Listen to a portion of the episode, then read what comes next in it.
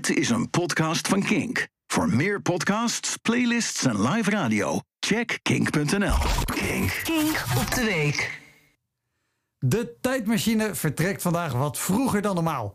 Laten we even teruggaan in de tijd naar april 2021. Die gouden oude coronatijd. Weet je nog? Lekker samen op anderhalve meter op de bank. Persconferenties bintje. Heerlijk.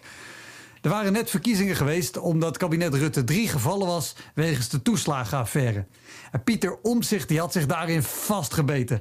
En als Omzicht zich ergens in vastbijt, dan kan je er een hele bus Disney ijsprinsessen naast zetten. Die gaat het niet let go. Echt niet. Het werd al snel duidelijk dat er alleen een meerderheid was voor exact hetzelfde kabinet als waar iedereen nou juist vanaf wilde. Maar over één ding waren de coalitiepartijen het eens. We moeten van die omzicht af. Klein probleem, de notitie Pieter Omzicht functie elders werd gefotografeerd.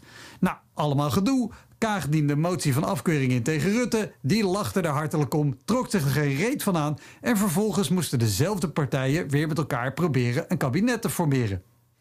En precies in die periode, toen D66-leidster Kaag een bom legde onder het mogelijke succes van die formatie, was er toevallig een verkiezing voor een nieuwe Kamervoorzitter.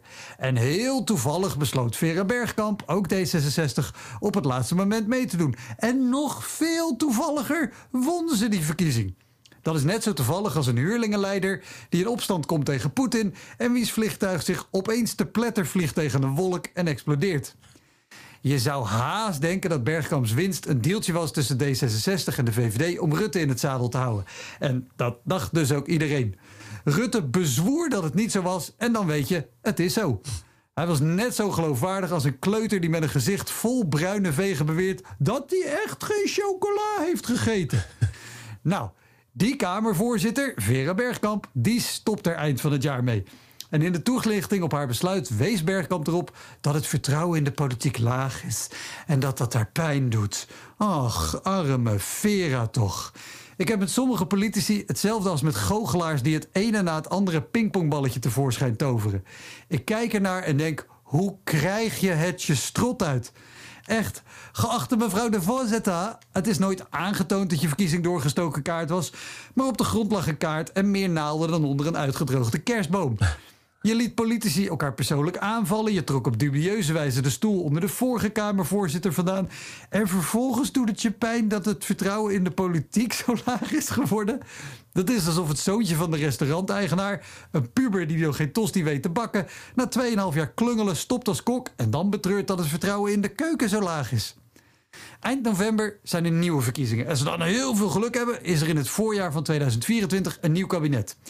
Dat is drie jaar later dan gewenst, maar dan kunnen we eindelijk echt een begin maken met die nieuwe bestuurscultuur waar iedereen naar snakt. Alle betrokkenen van de formatie van het kabinet dat niemand wilde, zijn dan weg. Inclusief Vera Bergkamp, de vrouw die de lijm vormde om de hele boel bij elkaar te brengen en te houden. Rutte, Hoekstra, Kaag, Segers, iedereen heeft straks een functie elders op één iemand na, Pieter Omtzigt. En of we daarmee blij moeten zijn, dat weet ik niet. Maar één ding weet ik wel. Wie het laatst lacht, lacht het best. Bedankt voor het luisteren naar deze Kink-podcast. Voor meer podcasts zoals Kink Fast, De Kleedkamer van Joy of More Than a Feeling, check de Kink-app of kink.nl.